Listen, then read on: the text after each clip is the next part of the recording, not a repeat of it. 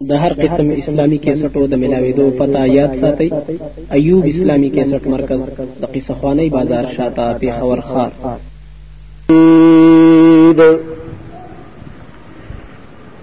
زما ګرانو مشرانو کشرانو مسلمانانو ورونو او عزتمندو خويندو او بچیانو او میاندو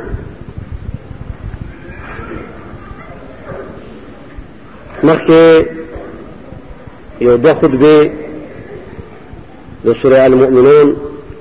ابتدایي آیتونو مبارکه ما ستاسو خدمت کې پیش کړې وي هغه آیتونه کوم کې چې الله رب العالمین د رښتونو مؤمنانو صفاتونه او نخي خودري دي د رښتونو مؤمنانو مواصفات خودري دي بګي او د هغه نشانات خودري دي د دې لپاره چې یو خو موږ دغه مؤمنان او پیژنو او بل چې دغه صفاتونه او دغه نخي موږ هم په ځان کې پیدا کو چې الله رب العالمین اول په خپل فضل کرم سره او بیا دغه صفاتونو په وجه باندې مونږه په دغه ټولي کې شمار کی چې کوم صادق مؤمنان دي کامل مؤمنان دي نو دا لس صفاتونه دي ورو په دې آیاتونو کې د رښتیني مؤمن لس نخې خودري دي لس نشانه په دغه نخو کې د دوه نخو ذکر مخکې تیر شوی دی الله رب العالمین فرمای قد افلح المؤمنون بشکا د مخکې نه کامیاب دي کامل مومنان بشکه کامیاب دي یعنی دا سره چې نه آینده به کامیابیږي بشکه کامیاب دي د دنیا او د آخرت په فائدو باندې هغه کامیاب دي د دنیا او د آخرت خیر هغه راجمع کړی دی لومړنۍ صفت داره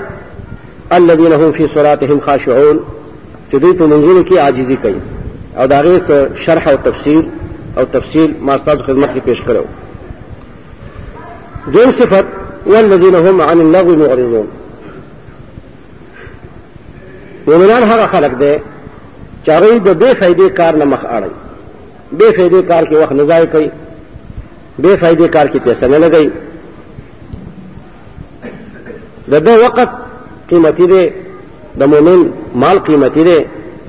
مؤمن سره د بیهوده خبرو وخت نشته مؤمن سره د بیهوده کارونو ټایم نشته دی د کامل مؤمن ټایم ټول پوره دی ځکه کوم مؤمن خوب کوي د الله تعالی د رضا لپاره به کوي که خلاص کار کوي هم د الله تعالی د رضا لپاره به کوي کچرتا کسب کوي حلال مال ګټي هم د الله تعالی د رضا لپاره به کوي او کلور عبادتونه کوي هم د الله تعالی د رضا لپاره به کوي کچرتا جائز مزاح ټوکې ټکلې کوي لوبې کوي چې کوم شریعت هغه له را روا کړي دي نو هغې کې هم دا خیر دی هغه قسم ټوکې ټکلې ګپ شپ چې کوم د شریعت په حدودو کې داخل دی هغه په لغو کې نه راځي مؤمن معنا دا نه ده چې شپه ورځ جاړي او تندې تریوي همیشه غمګین او خپي نه مؤمن کله خندام کوي مؤمن کله تقلم قلم کوي لوبین کوي خود مؤمن غب شپ تقلی د دروغ نه مؤمن پرشتیا په جیب کې یعنی د قصد خبرو کې هم دروغ نه وای غب شپ کې هم دروغ نه وای بعض انسان درو خبره وکي وای ما خو ټوکا کوله نبی صلی الله علیه و آله وسلم په سیرت کې راځي هغه با ټوکې ټقلیم کولې کله به خنداګانیم کولې د خوشحالتیا کار به واورې د خوشاله بشو مخ به د څوارلسمې سپومۍ غوندې پړقا کوله د غم کار به یې ولید جړا به یې کوله اوښکې به بهېدې په مخ مبارک باندې کله غم راځي کله پې خوشحالتیا راځي کله خاندي کله ټوکې هم کوي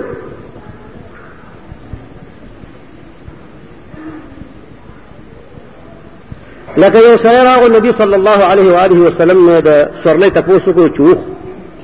اخرا کا نبی علیه الصلاۃ والسلام حکم کو چې د اوخ بچي ور ورکړي هغه ور حیران شو چې د اوخ بچي څه وکړ هغه معنی شو نبی صلی الله علیه و آله هغه دا خیال شو چې په چونه راکړي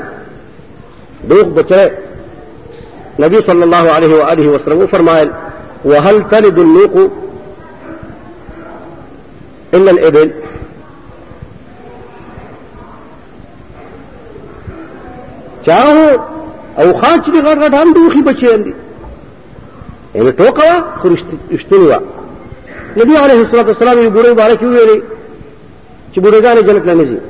ها پرشان تا نو ټیک دا غبا خ پیغلې غټه وای خو خوبصورت وای په خ عمر کې وای نو جنت له بځي بوډي بوډي ته خو عادت ده چې مخې را ګونجي راخونه اخوا دې خو راوتی برنګانی بهيږي جنت له خدا په دغه حالت خو نه دي کنه جنت خلق چې راغه صفا خنسي خلقي ترتي مزیدار خزم چې کوم دی ښه اعلی قسم اوچت نمبر او زلمیم چې کوم دی په ډېر اوچت معیار کې وي هغه داسې خلک نه نو دا ټوکه وه خو دا هم رښتیا ټوکه وه نو دې کې موږ لپاره آداب دي والذین هم عن اللغو معرضون دریم صفت دا دی ورونو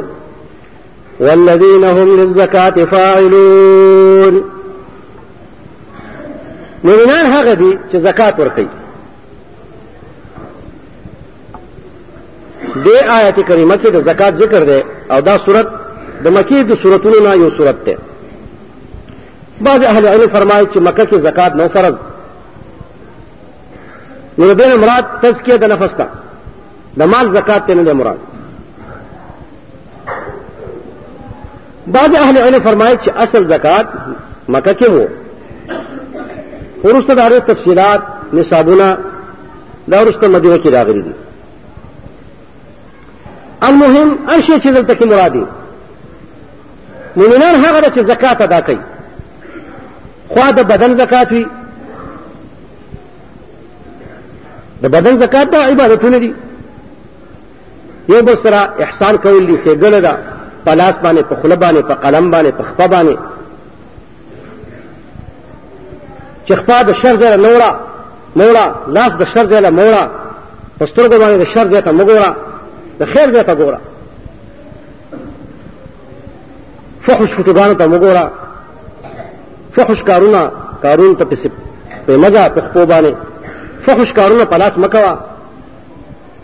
ظلم دا کې مکه ولا اسمانه چا باندې پناه حقا چاکو کوتک مرا خلاصوا ټوپک مرا خلاصوا پناه حقا دا ټول د لاس زکاتونه دي د خیر په لارو کې لاسونه استعمال کا سترګې استعمال کا غوږونه د خیر خبره اورا قران حدیث په اورا نیکه خبره په اورا دا د الله رب العالمین امانت ته رونا تر دې مسؤلی ستا ځواني ده د ځوانۍ زکات ادا کوه ښه عبادت کوه احسان کوه ګاونډي سره عام مسلمانانو سره د اقاربو سره ښځې سره مور پلار سره بچو سره دا ټول دا د بدن زک... د بدن زکات ته مال زکات تعالی الله رب العالمین مال درکړی دی نو کومه حصہ چې پتا باندې فرض دا خو بخامخه ادا کې اخو به ادا کې ادا کې دا غینه علاوه نورم د خیر لار شته چې بعض اوقات کې غم د فرضیت درجه ته رسیږي لکه تا ته پته ولګي چې گاونډي د محتاج دی وګوره کتا زکات ادا کړی هم باغل ورکه بیا تابانه هرا کار حرام دی چې ته په مرخ یې ته وخورې او ستا ګاونډي په نهر یې دا ناجایز دی تا باندې بیا فرض دی چې تا ته کوم الله رب العالمین مال درکړی دی هغه مال نه څه حصہ زکات نه علاوه زکات خو به دې وشتلې هغه مال نه علا زکات نه علاوه د خپل مال نه پاکه پخشه مالی طعام روټه ورجی شو ترکاری غوخه شو الوګان شو ارشه چې تا پخړی دا غینه ولا څه حصہ ورکا یا دې فروټ راوړو دا غیر ورته حصہ ورکا او دا ډېر د افسوس خبره ده چې ته د بازار نه فروټ راوړې سیوان راوړې انګور راوړې مړې مالټې راوړې او ستا خواته ستا ګاونډی وي د هغې بچي چې دی هغې ته ترپېږي هغه محتاج وي دا شرعا جائز نه دي کم از کم انسانیت لحاظ تر دې پورې دی چې ته که څه راوړې نو بیا یې پټ راوړه چې هغوی ونه وي او بیا دا ډېر د عیب خبره ده چې ستا بچي هغه طعام او هغه خوراکونه او هغه میوجات هغه شروب په لاس کې اخیستي او کوڅو کې ګرځي او هغوی ته یې ښیي دا د انسانیت د لارې نه بهره ده اسلام نه خو به بهره د انسانیت د لارې نه بهره ده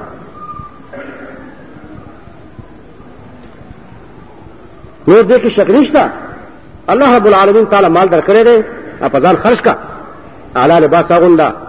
اعلی خوراک کوا بخل نه پکار دا چیزونه ټول په دې زکات په عام مفهوم کې داخلي دي دا قسم مسائل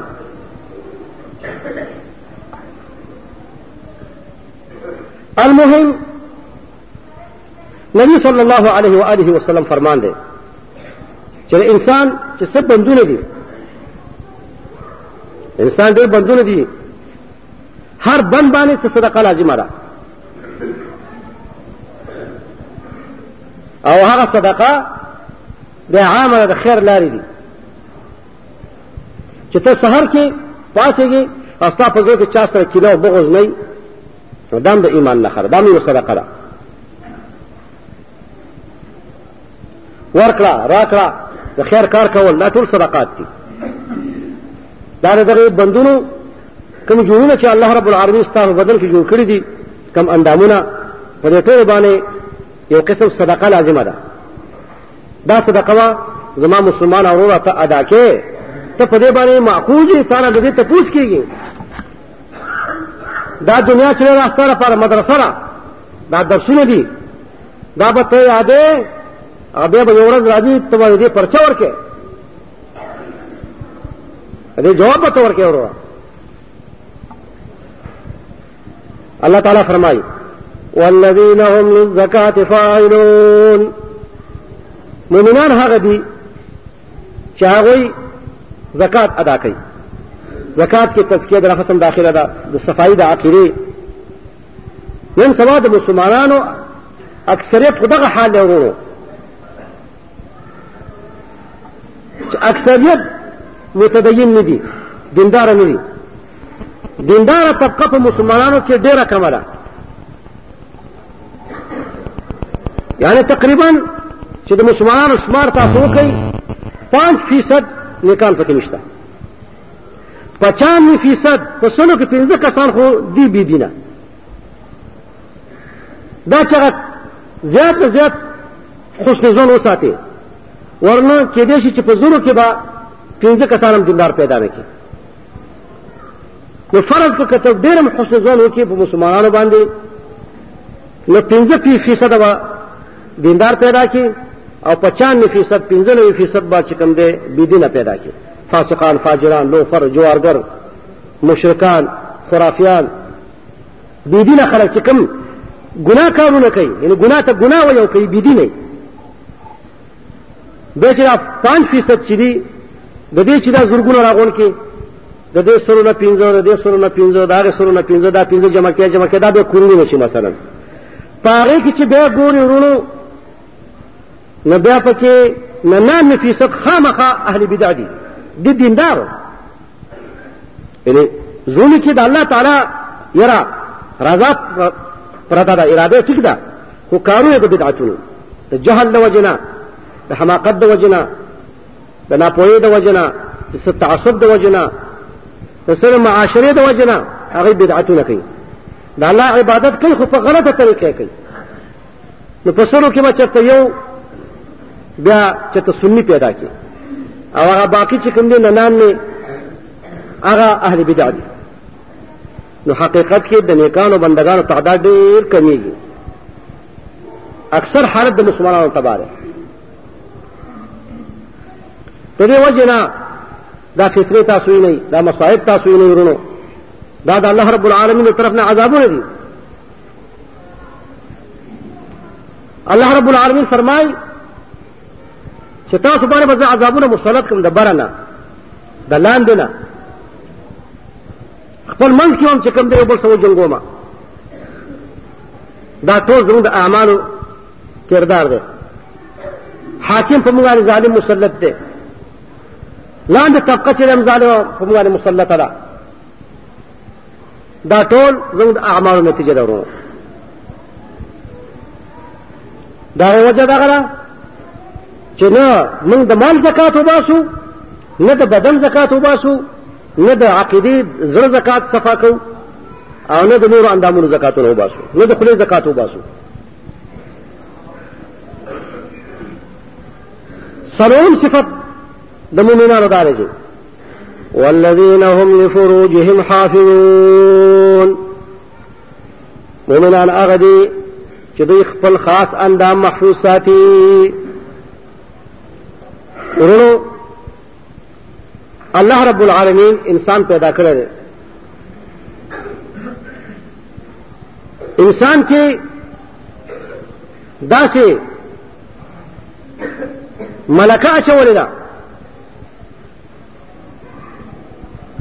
او دا چې کیفیت باندې الله رب العالمین انسان پیدا کړی دی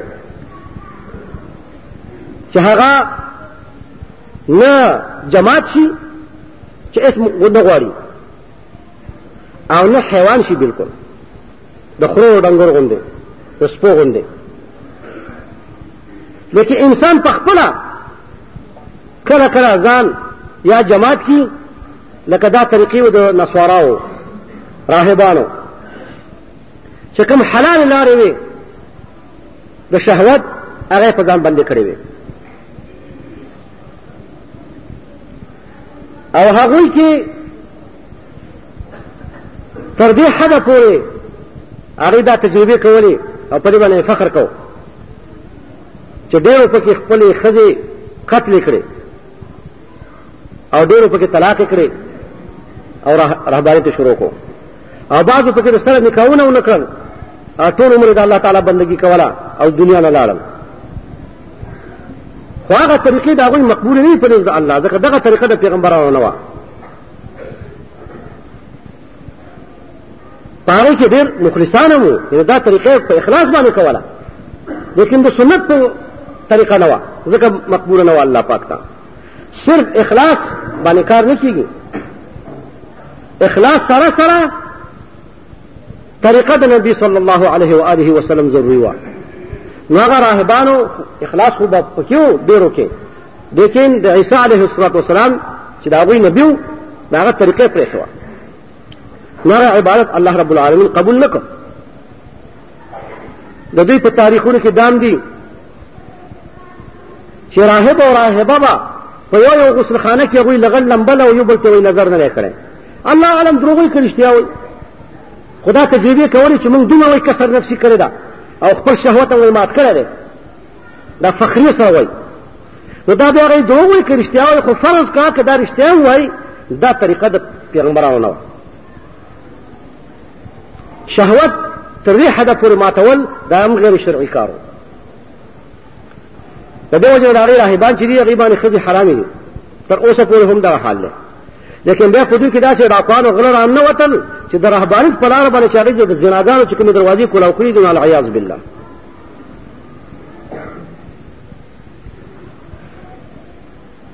بعضو راهبانو د دوی هغوی د خپلو مور پلارو نه د خپلو بچو نه بېزاري اختیار کړې ده خپل واړو واړو ماشومان چې کوم دی د د اژدهاګانو د خامرانو په خوله کې ورکړي دي دې لپاره چې زمونږ زړه و هغې پورې متعلق نه شي الله نه به زړه جدا شي دا دا تصورات و بعضې راهبانو به داسې داسې چل کو چې ایک سو بیس پونډ وزن دی په شا کړی او لغړ به په مناره یې ځانه جوړه کړې وه په مناره باندې باندې مناره سوړ چې ملته به لګ لګ ولې خوراک هم کوو ګندګي به ملته کوله او په مغه مناره باندې باندې مناسو وړه و چې نه به خوب کوو به آرام کوو او 120 پون وزن به پښا کړو و چې زه خپل شهوت ماتوم کسر نفسي کوم الله راضي کوم دا دغه طریقې وي نو دا غیر شرعي طریقه وا دې ته تفریط په خلاف د دینه د اباحیانو لارې دي کم د کمونستو د بيدینانو لارې دي سوشلستو لارې دي چې کم کسان د زنا لارې اختیاري او یې کولای وي یا غیر پر نظامونه جوړي یو دا غیر خاندانی منصوب بندي دام دغه زنا لار ده دا دا تحديد النسل نو یو قسم دا نظام دی دا نظام دی د حیواناتو دی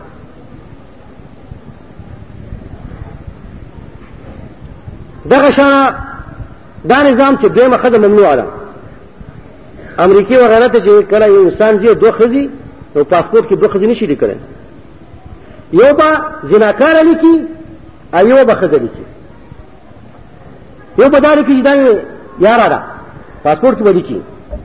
یارا ما زنا کار اته دا نشي لیکل چې دا مې خدای نو نکاح ممنوع ده او زنا روا ده اول ته کې رضا باندې زنا دا بالکل کلم کلم آسان کار دی او روا کار دی البته زنا بالجبر منع ده لکه زنا او نفس خرڅول داسې دي لکه خپل مال خرڅول یا کور کې څوک ډېره کول ستا خوا ستا بېټک دی که څوک پکې ډېره کې چا مېلمه له روټۍ ورکې ورکړه لیکن زه جبر باندې به زنا چې دی هغه ممنوع ده او ظاهره خبره چې جبر باندې زنا خو څوک نه کوي دغسې واردات خو ډېر کم پېښېږي چې ته په دښمنۍ کې پېښېږي نور د جناکانو چې کوم بازار ګرمي هغه ټول پر رضا او پر رغبت او پیسو باندې وي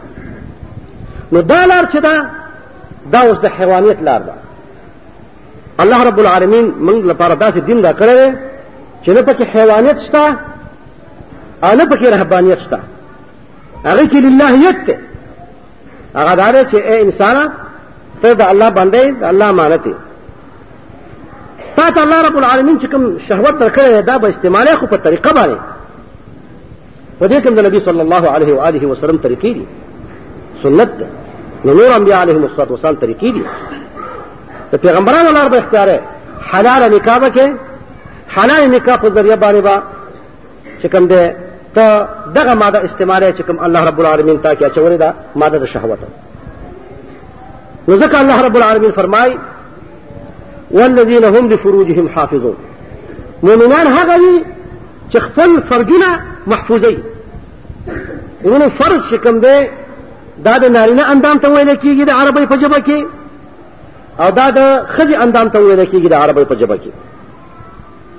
صرف د خځې اندام ته نه وایي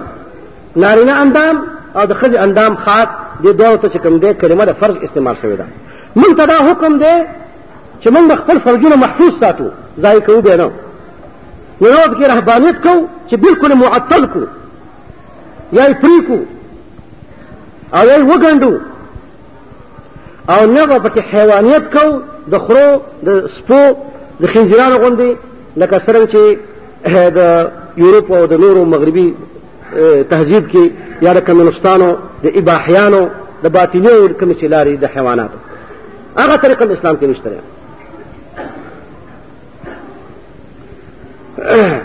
د دې وجه نه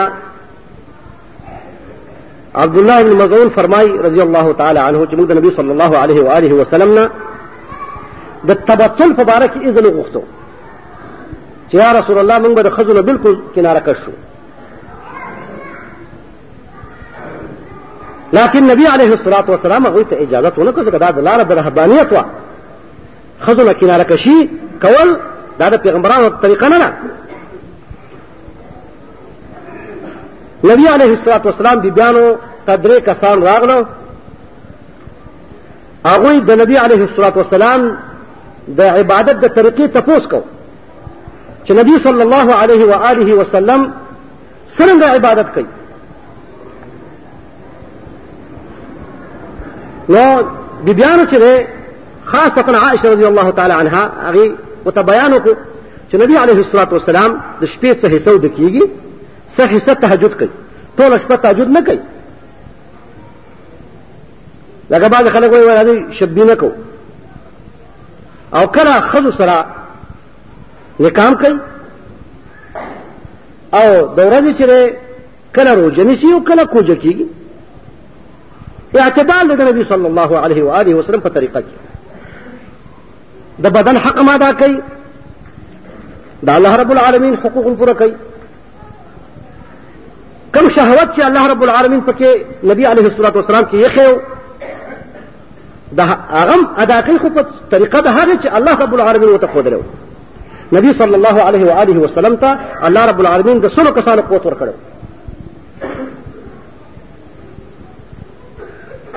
خو نبی صلی الله علیه و آله وسلم د فریو بدمعشی نه نه کړو هغه الله رب العالمین په لار تلو او هغه سنت او هغه طریقې او هغه آداب مونږ ته پاتې دي پکار چې مونږ هم هغه لار اختیار کړو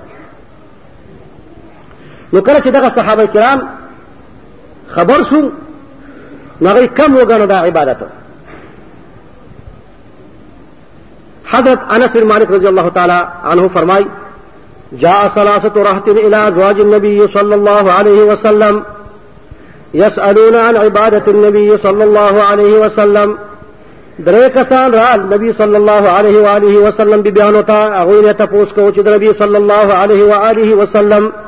د عبادت د کولو څه طریقه را فلما اخبروا کله چې هغه ته خبر ملاو شو هغه ته جواب ملاو شو چې نبی علیه الصلاۃ والسلام دا دا قسم کار کوي دا قسم طریقه باندې عبادت کوي کأنهم تقالوها نو دوی لکه چې دا عبادت کم وګڼه دا غي دا خیال چې دا چې الله پیغمبر دی نو بالکل خود خواله خو بزین سر نه بالکل بر خود نه جدای هغه زمانہ کې دیندار طبقه چې و نصاراو نصاراو باره کې دا مشهور شی و چې دوی د خود نه جدا دي کم چې راهبانو پکې نو دوی دا خیال چې پیغمبر چینو دا خو بالکل د خود نه خو بالکل جدا دی خزو ته بالکل حاجت نه او پیغمبر چې نه خبر شپې خوب نه کوي ټول شپه باندې منځونه کوي او پیغمبر چې خو د ورځې د ورځې چې کوم دی اډو خوراک کوي نو روزي بنی شي لکه باجی د دروغو بناوټي بزرګان چې نن سبا دي خلکو دا ښکارا کوي کنه د ټولو غټو سرمایداران داران غټ سرمایداران دي د ټول نه خوري هغه ټول نه خاغون دي ټول نه زیات شهوت پرستاران دي خو خلکو دا ښکارا کوي چې موږ بزرګان یو نو هغه د نبی عليه الصلاه والسلام عبادت کم وګڼه فلما اخبروا كانهم تقالوها بیا ول عذر پیش کړ چې یاره خو چې مو خدا خیر و چې دی به خلص ته نه نږدې کیږي او د شپې به خوب نه کوي او د ورځې به چې خوراک نه کوي روژه به نیسي خو دا د هغې وجه دا ده چې دی خو الله ورته هر څه معاف کړي دي نو د ده خو ټول ګناهونه مخکې وروسته الله معاف کړي دي او موږ ټول ګناهګاران یو موږ خو دا طریقه نه ده پکار فلما اخبروا كانهم تقالوها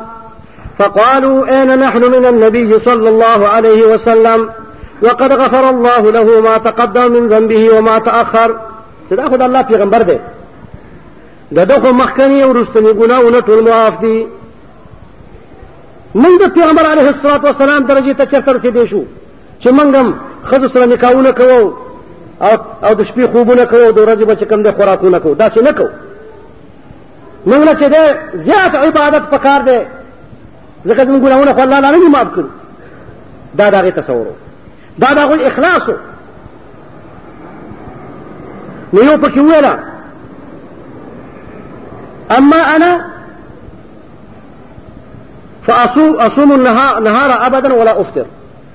یو پکې دا ویلا چې زه به هر ورځ روزه نیسم او کوجه کوم بنو بل ویرا اما انا فلا اتزوج النساء بل ویرا زما خزر جدا شم خزر نه پنه کا کوم بل ویرا زما ټول شپه عبادت کوم زما نو د کېږم دا تعهدونه او دا وعده غوي وکړل د دې لپاره چې مونږه غټه مرتبه حاصله کو نو کله چې نبی صلی الله علیه و آله وسلم د دې حال خبر شو نو راوی غوښتل نبی علیه الصلاة والسلام هغوی ته وفرمایل انتم الذين قلتم كذا وكذا تاسو هغه خلک چې دا دا خبرې کړې دي هغه باندې انکار وکړو دا غوی د دې منهج د دې طریقې مخالفت وکړو په نهایت شبه مت سره تاسو هغه خلک چې دا دا خبرې تاسو کړې دي اما خبردار انی اتقاکم لله خبردار تاسو ټول نه زیات د الله نه چې یریدون کېما او دا غي باوجود خلوص ته نکاح کوم ورځ کله روزه نیسم کله کوجه کوم د شپې څه حصه تهجد کوم څه حصه خوب کوم ابه یې فرمایل دا زما طریقه ده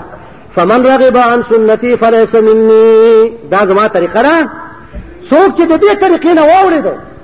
هغه زما د ډلې نه نه دی نورو د دې نه صفا معلومه شوه یو انسان کې چې اخلاص هم وي للهیت هم وي زړه هم صفا وي اراده هم صفا وي نیت هم درست او صحیح وي او عمل شاق کوي مشکل کار کوي ګران کار کوي د الله د رضا لپاره کوي ټوله شپه قیام اللیل کوي تهجدونه کوي هره ورځ روژه نیسي من پېټې په ځان بار کړی کسر نفسي کوي کس شهوت ماتوي خو چې د نبي علیه الصلاة والسلام طریقه اختیار نه کړي هغه ټول لهو لعب او ټول باطل دي دقه ته بدعت وایي اوس ډېر صحابه کرامو چې دا کومه طریقه اختیار کړې وه دا اوس بدعت خو الله رب العالمین پرې مهربانه شو چې بر وخت هغوی ته هدایت میلاو شو اوس چې دا طریقه څوک اختیار کړي نو هغه کټاس بدعتي به وي کټاس بدعتي چې ښځه پرېږدي وایي عبادت کومه دغه پوخ بدعتي به وي ټوله شپه قیام اللیل کوي دا پوخ کټاس بدعتي بل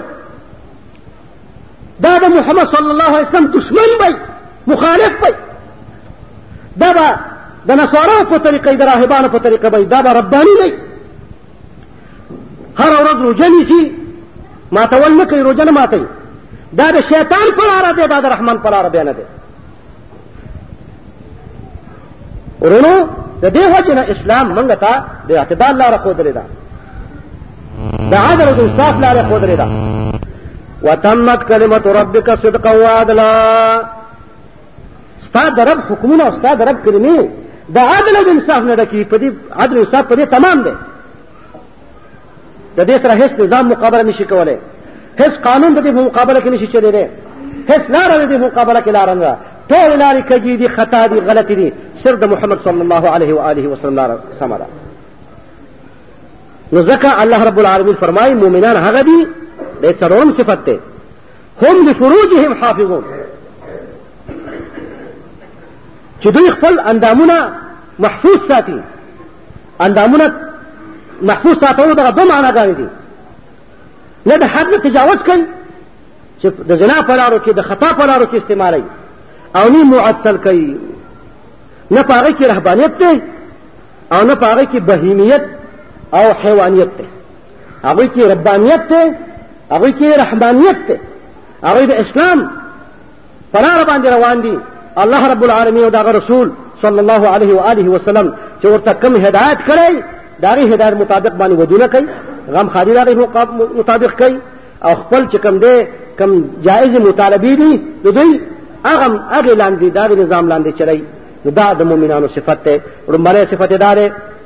چې منځونو کې عاجزي کوي دویم صفت دار چې بې فیدې کار نه مخ اړي دریم صفت دار چې زکات ورکوي او څلورم صفت دار چې نری او خزی خپل خاص اندام محفوظ ساتي الله رب العالمین دې زموږ په حال باندې رحم وکړي وصلى الله وسلم على خير خلقه محمد وعلى آله وصحبه أجمعين أقول قولي هذا وأستغفر الله لي ولكم ولسائر المؤمنين إنه هو الغفور الرحيم